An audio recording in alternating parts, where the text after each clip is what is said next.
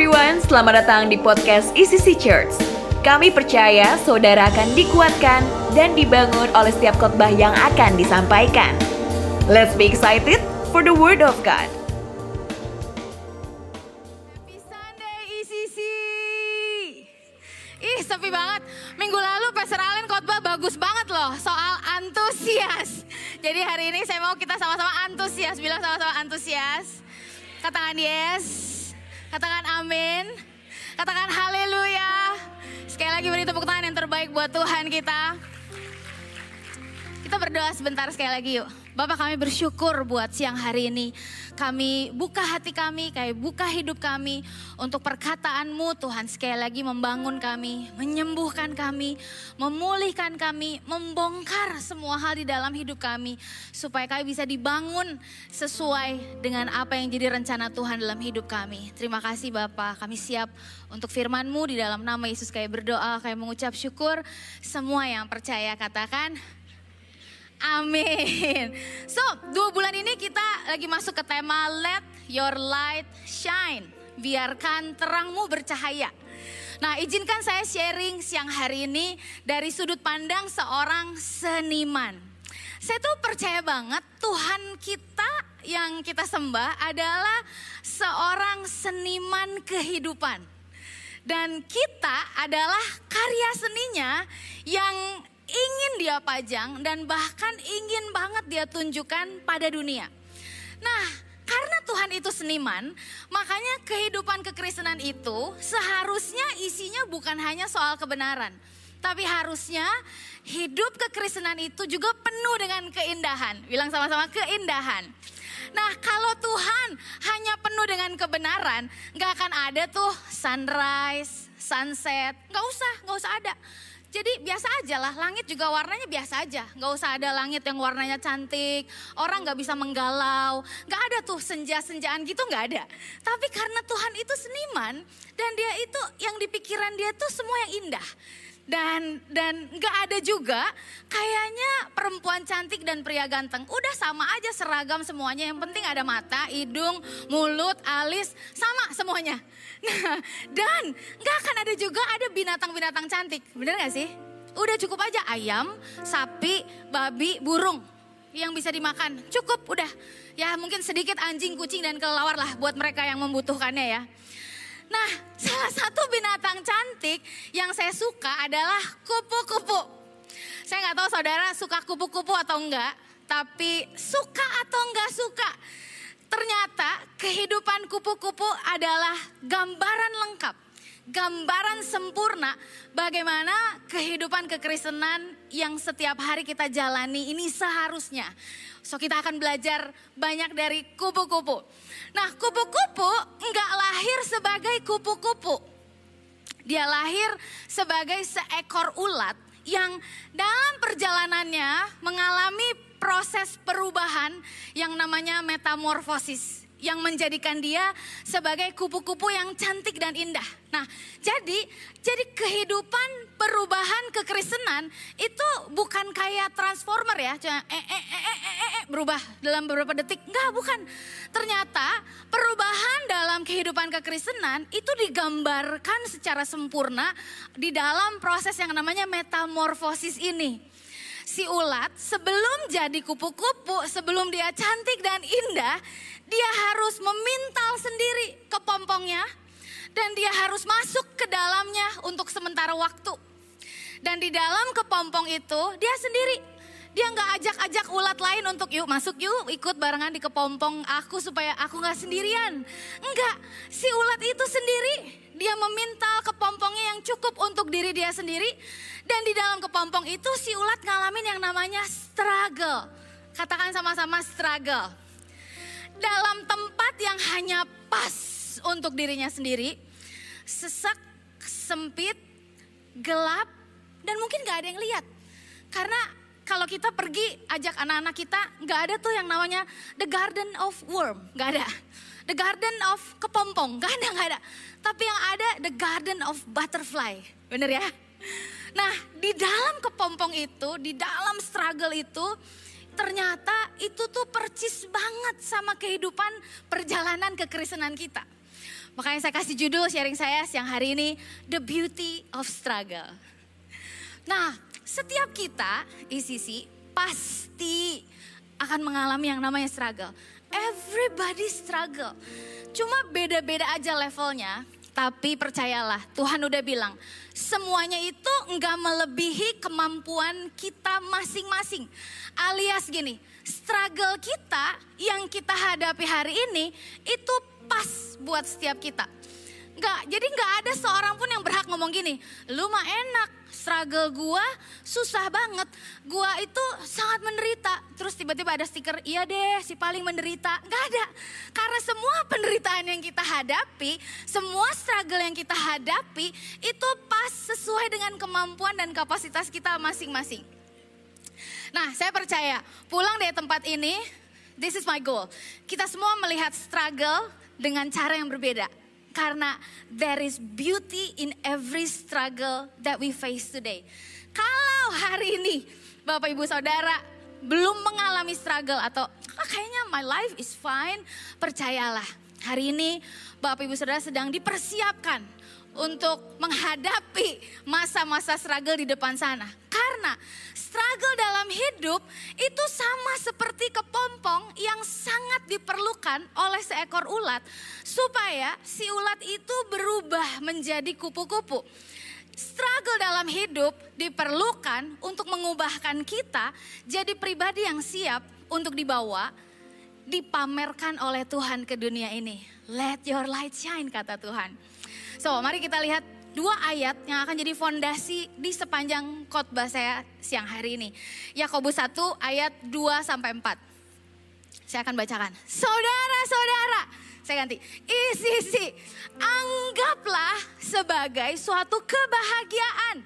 Jadi, bahagia nggak sebenarnya? Bahagia nggak? Enggak dong. Firman bilang, anggaplah sebagai suatu kebahagiaan. Enggak bahagia sebenarnya, tapi udah anggap aja bahagia katanya.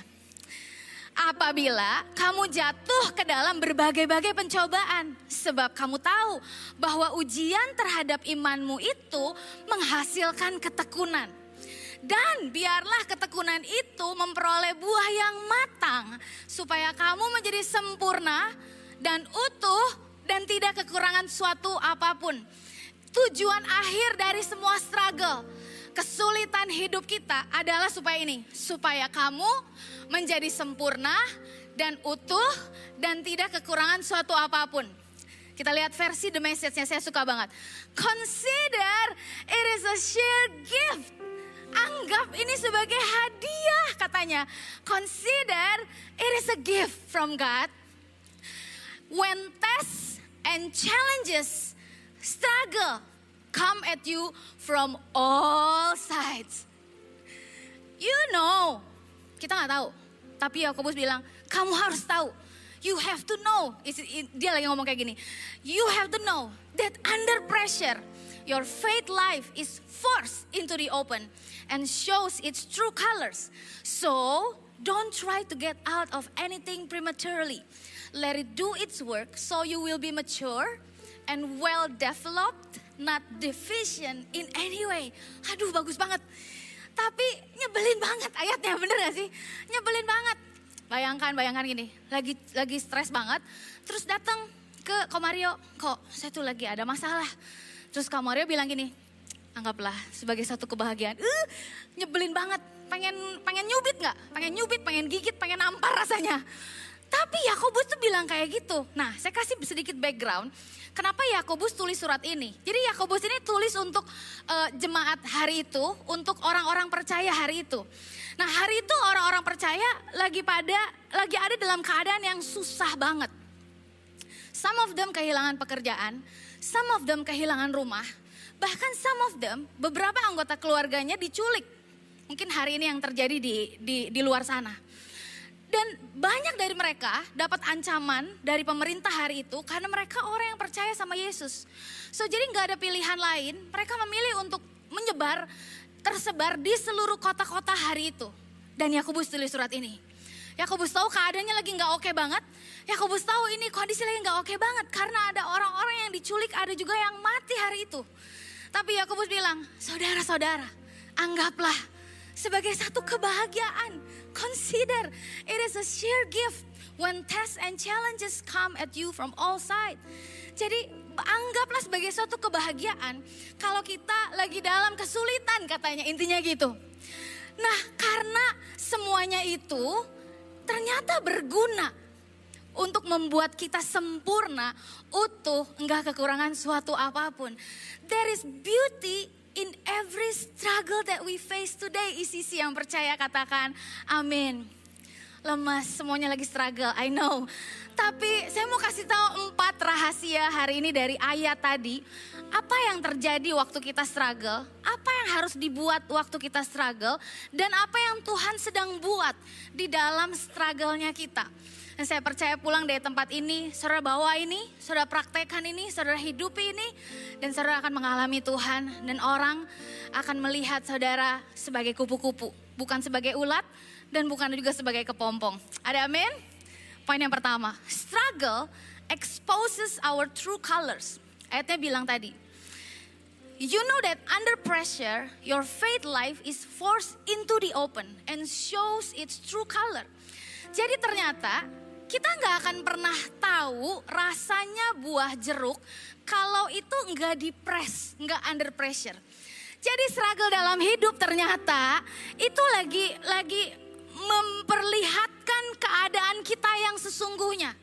Many, many, many times waktu saya ngalamin struggle, saya tuh melihat kondisi saya, saya melihat motivasi asli saya, saya melihat prioritas saya, saya melihat nilai kehidupan saya, ternyata ah saya nggak serendah hati yang saya pikir.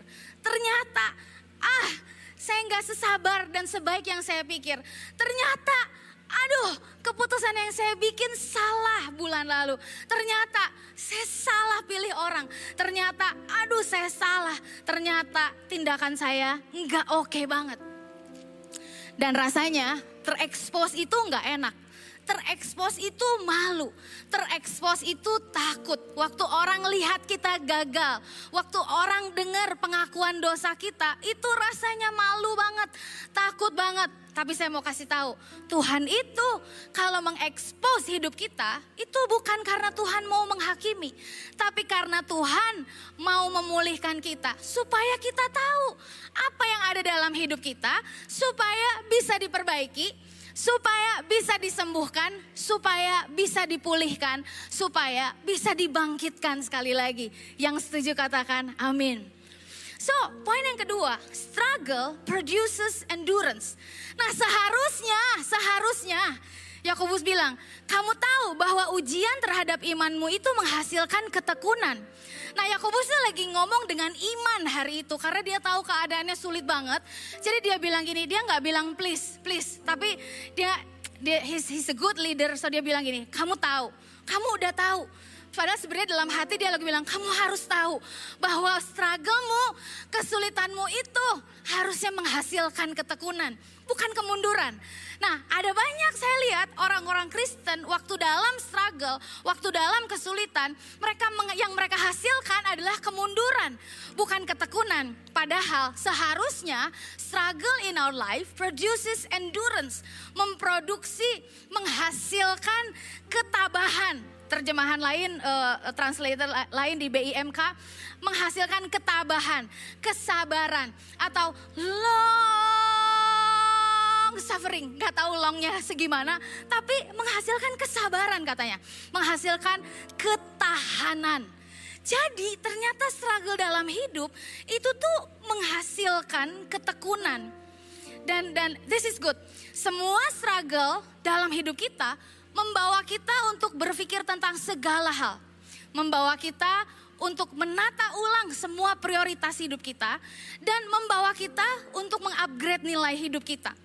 So, makanya kenapa saya bilang kita harus menghasilkan ketekunan di dalam struggle. Jadi di dalam ketika kita lagi ngalamin struggle, itu justru waktu yang paling pas untuk kita bertekun. Kenapa? Karena biasanya di dalam struggle itu, seperti layaknya kita di dalam kepompong, itu tuh kita kayak lagi nggak dilihat orang. Ada nggak sih anak kecil yang mainin kepompong? Nggak ada. Orang anak kecil tuh maininnya kupu-kupu. Anak kecil tuh memuji-muji kupu-kupu. Tapi waktu di dalam kepompong itu biasanya kita tuh dalam posisi gini, gak dilihat orang. Gak kelihatan sama orang. Justru itu waktu yang paling pas untuk kita bertekun. Untuk kita menekuni banyak hal. So, di masa pandemi, semua orang itu seperti seolah-olah lagi masuk ke dalam kepompong. Jadi, saya mau kasih tahu, di saat budaya rebahan melanda hari itu, saya putuskan untuk ikut online kelas banyak banget. Aduh, saya nggak tahu ya, nggak catetin banyak banget pokoknya. Saya ikut kelas malam, karena hari itu ada begitu banyak online online conference yang waktunya time zone-nya beda. Jadi waktu subuh saya bangun ikut kelas, saya ikut kelas public speaking, saya ikut songwriting, saya ikut gimana caranya nulis dengan baik dan benar. Saya dengerin podcast banyak banget. Waktu saya bosen lihat gadget, saya baca buku banyak banget. Bahkan saya baca buku ini nih, pasti pasti bapak ibu saudara nggak nggak nggak nggak nyangka saya baca buku ini. Saya baca buku, saya baca kamus bahasa Indonesia, saya baca kamus bahasa Inggris. Karena saya pingin, saya rindu waktu saya bikin lagu, saya punya vocabulary yang kaya. Enggak seperti uh, vocab yang lain. Jadi saya putuskan, bahkan hari itu saya putuskan gini, saya rindu banget melayani Tuhan. Dan saya putuskan, Tuhan saya pengen melayani. Gimana caranya? Karena hari itu semuanya lagi tertutup, bahkan ibadah sempat juga close juga hari itu, ada online. Tapi kayaknya, aduh saya pengen melayani Tuhan. So saya putuskan malam itu setiap hari di tahun 2020 selama 365 hari setiap hari saya mau posting setiap hari karena saya mau connect dengan orang, saya mau serve people, saya mau pakai Instagram saya untuk melayani orang. Saya bilang hari itu. Dan setahun itu 365 hari, it's another struggle that I created hari itu. Karena saya harus nulis setiap hari di saat orang kecanduan nonton Netflix. Saya cari, baca banyak banget, saya tulis banyak banget. Dan you know what? Hari itu saya ketemu orang banyak banget. Hari itu saya layani orang banyak banget. Hari itu saya kenalan dengan orang banyak banget. Saya ikut kelas banyak banget saya belajar banyak banget. Saya belajar masak menu baru, saya belajar bahkan keuangan, neraca keuangan, gini gini gini gitu. Saya belajar bahkan gimana caranya meeting online supaya lebih efektif. Saya dengerin podcast banyak banget. And ketika pandemic end, boom. Banyak orang cari saya. Banyak orang by the grace of God karena semua pekerjaan, ternyata semua pekerjaan yang kita lakukan di saat orang gak lihat, justru adalah pekerjaan yang membawa kita dilihat dan dicari banyak orang. So makanya ketika struggle, justru harusnya menghasilkan ketekunan. Karena kita tahu something wrong dalam hidup kita harus ada yang harus kita belajar something. Ada amin? Yang ketiga, struggle attracts God's presence kondisi paling gelap kita adalah posisi paling dekat kita dengan Tuhan. Ini valid banget, ini solid banget, no debat, titik. Jadi Bapak Ibu Saudara, waktu saudara lagi ngalamin struggle, justru sering kali orang nanya gini, Tuhan di mana? Eh, itu justru Tuhan paling deket loh. Ketika kita lagi ngalamin struggle, problem, difficulties, apa pun juga, justru Tuhan itu lagi dalam posisi paling dekat sama kita. Makanya manfaatkan, maksimalkan struggle-nya kita. Nah saya mau cerita uh, anak saya sakit waktu lagi Oktober, uh, Max sakit cacar. Jadi cacarnya lumayan uh, mengganggu banget. Ini it's annoying banget. Cacar air di umur 15 tahun. So selama anak saya udah udah remaja, Max ini udah remaja, jadi dia punya banyak aktivitas sama teman-temannya. Jadi um, tapi ya selama 10 hari dia sakit, itu itu hubungan kami adalah hubungan yang paling deket banget. Jadi saya waktu lagi ngantor, yang di hati saya, yang di pikiran saya cuman Max. Saya telepon, di jalan saya telepon, di mana-mana saya kepikiran Max. Aduh Max lagi apa ya? Bosen gak di rumah ya? Saya konsul banyak dokter, saya bahkan konsul ke dokter kulit. Gimana caranya saya minta salep, saya beli salep ini, saya beli salep itu. Saya baca banyak hal tentang cacar segala macam. Bahkan saking saya terintimidasinya, saya buka buku vaksin. Emang gue gak vaksin cacar gitu ya lagi kecil? Ternyata vaksin. Tapi emang things happen dan harus terjadi.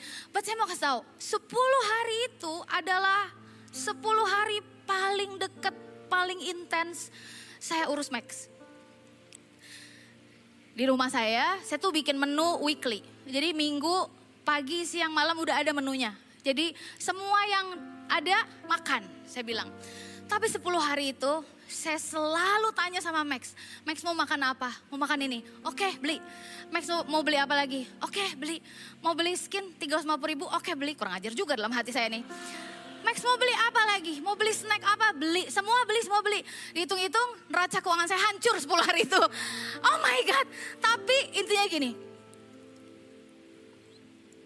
Kondisi tergelap kita kondisi paling susah kita itu justru adalah posisi di mana Tuhan itu paling nunggu. Ayo mau minta apa? Ayo. Waktu lagi struggle, rasanya saya minta hikmat sering banget sama Tuhan. Saya minta kreativitas sering banget. Saya minta ide, Tuhan saya minta, saya minta ini, saya minta ini, saya minta ini. Dan rasanya itu kayak cepet banget Tuhan jawab. Karena in the struggle, struggle attracts God's presence. Karena dia itu bukan hanya Tuhan, the God of the universe. He is the good father buat kita. Kalau saya aja manusia katanya yang jahat. 10 hari itu saya bisa deket banget sama anak saya. Apalagi Tuhan yang adalah Bapak kita. Ketika kita lagi ngalamin struggle, justru manfaatkan, maksimalkan strugglemu untuk menyembah Tuhan lebih banyak. Untuk melayani Tuhan lebih banyak. Tahu gak sih, semua ministry saya yang yang orang kata orang itu bagus banget, yang kata orang itu astaga luar biasa banget. Semuanya adalah hasil dari struggle dalam kehidupan saya. Katakan wow. But struggle always attracts God's presence. So keep worshiping. Ada orang yang dalam struggle malah lari dari Tuhan, lari dari komunitas. Ya selamat, tambah lamalah saudara ada di dalam struggle. Karena struggle justru harusnya membawa kita semakin dekat sama Tuhan. Amin. Yang keempat, terakhir, struggle is not permanent. Lega, lega gak sih? Lega gak? Ternyata struggle itu ada batas waktunya. Nggak selamanya. Sama seperti orang yang pergi ke gym, saya nggak ke gym.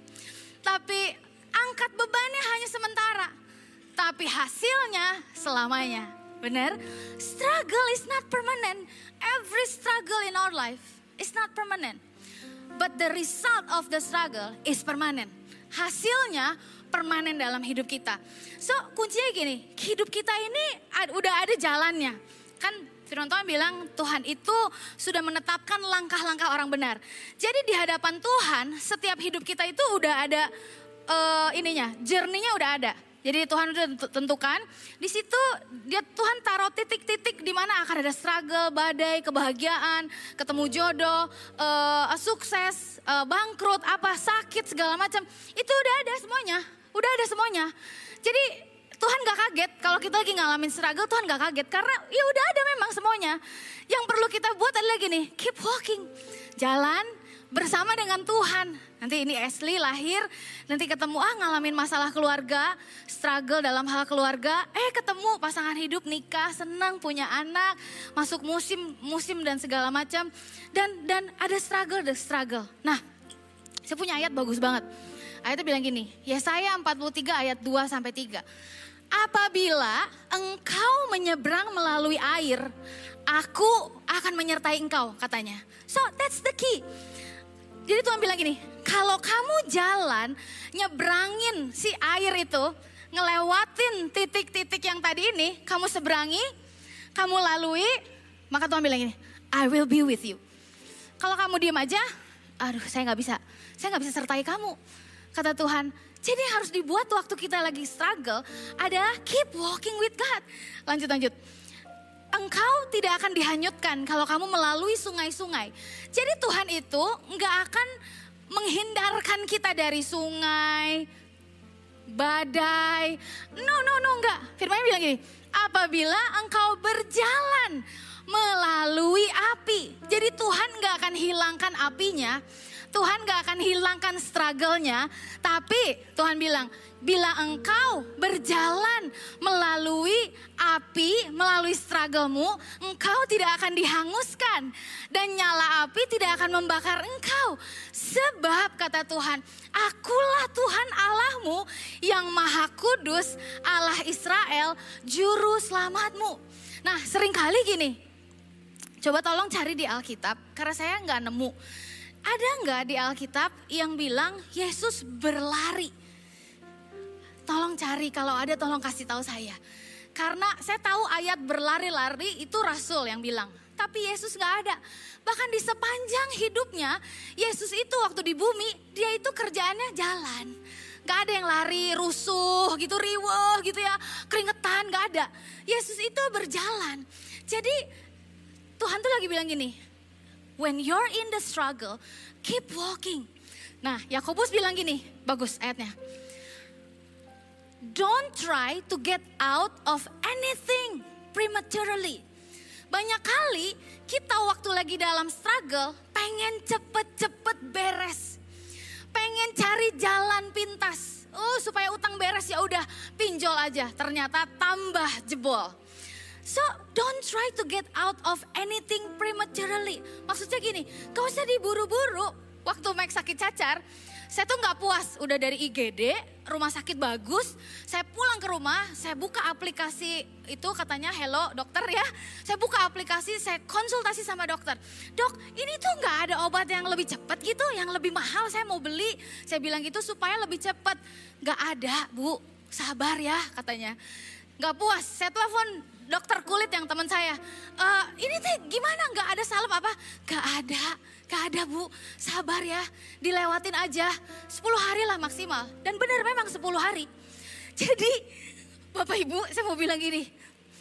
Keep walking with God. Ada banyak orang gini ngalamin struggle. Aduh kok 15 tahun ini gak beres-beres.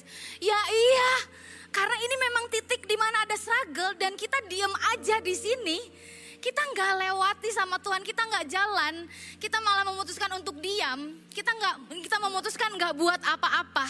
Padahal di situ ada badai nih, kita tuh cuma tinggal melewati badai ini.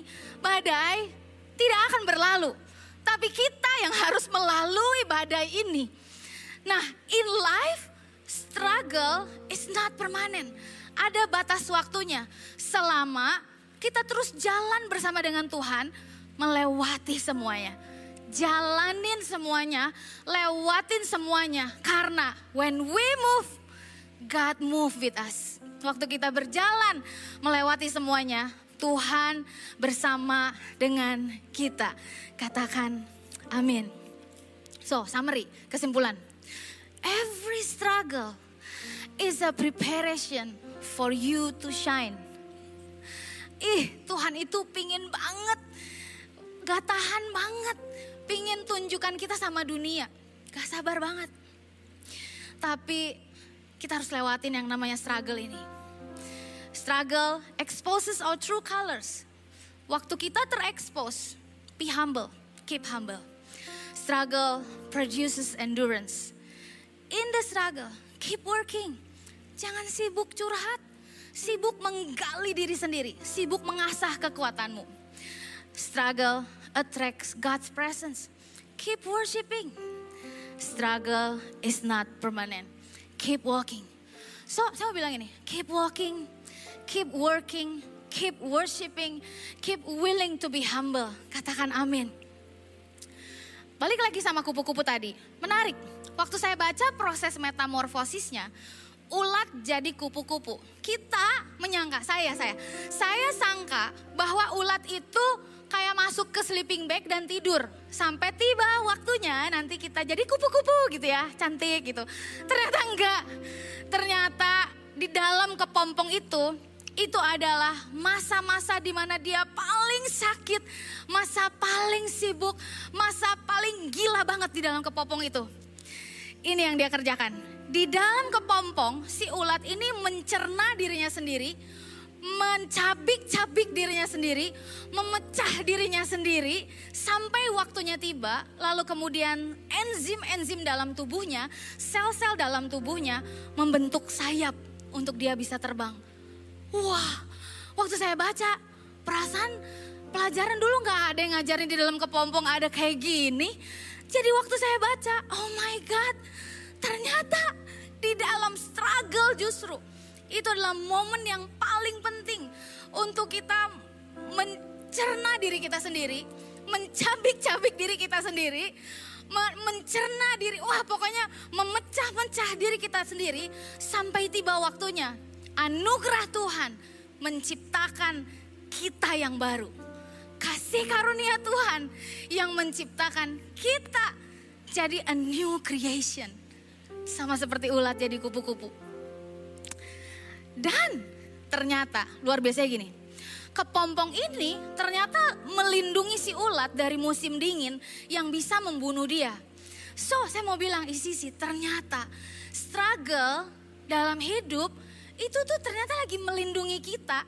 Struggle itu lagi mempersiapkan kita, menyelamatkan kita, dan mengubahkan kita jadi karyanya yang siap dipamerkan ke dunia.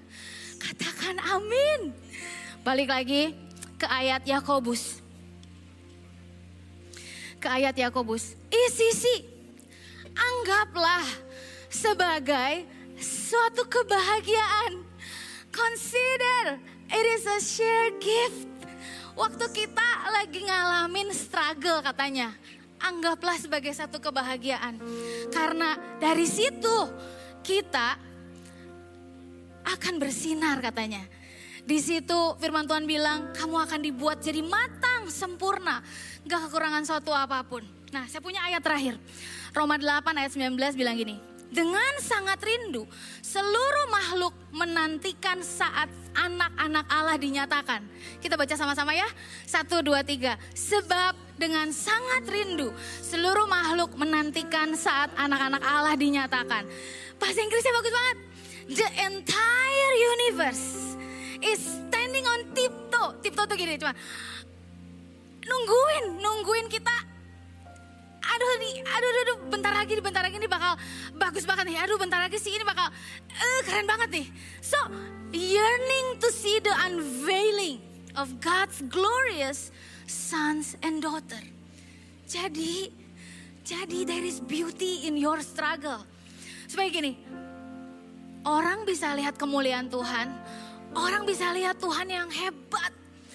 Orang bisa Waktu kita nyanyi, Your name is the highest. Itu tuh bener, aduh Tuhan lihat orang ini ya, bagus banget. Ih, lihat orang ini ya, gila masalahnya, edan. Tapi keluarnya, edan, kuadrat. Gila ya, ini orang ini ya, struggle-nya, aduh gelo lah pokoknya. Tapi hari ini, wah lebih gelo lagi, luar biasa banget maksudnya. Bukan gelo yang parah, tapi luar biasa banget. So jadi, untuk sementara waktu, kita perlu ada dalam kepompong ini. It is a gift. Sebuah kebahagiaan. Sampai waktunya tiba. Waktunya tiba. Si ulat itu pecah. Si kepompongnya pecah. Sampai dia jadi kupu-kupu kayak gini. Berikan tepuk tangan buat Tuhan kita. Amin. So saya bilang ini ya sama Tuhan. Saya bilang Tuhan tahun ini tuh bener-bener ya saya bilang. Tahun ini saya nangis paling banyak kayaknya. Air mata saya paling banyak tahun ini. Tahun ini saya belajar paling banyak. Bahkan di akhir tahun ini saya tutup tahun saya dengan belajar online sekolah online lagi. Tahun ini tuh saya nyembah kayaknya paling banyak. Tahun ini saya kerja paling gila Tuhan. Untuk apa semuanya? Supaya Tuhan dimuliakan. Dan Tuhan bilang ini, Ashley, kamu harus percaya Aku itu bukan hanya mampu bawa kamu lewatin semua struggle. Tapi Tuhan bilang ini, aku ini mau pakai cerita hidupmu untuk memberkati menghibur, mengangkat banyak orang di seluruh bagian dunia. Katakan amin. Saya percaya ini pesan yang khusus buat setiap kita yang mendengarkan. We pray that this message will bless you and build you. See you at the next podcast.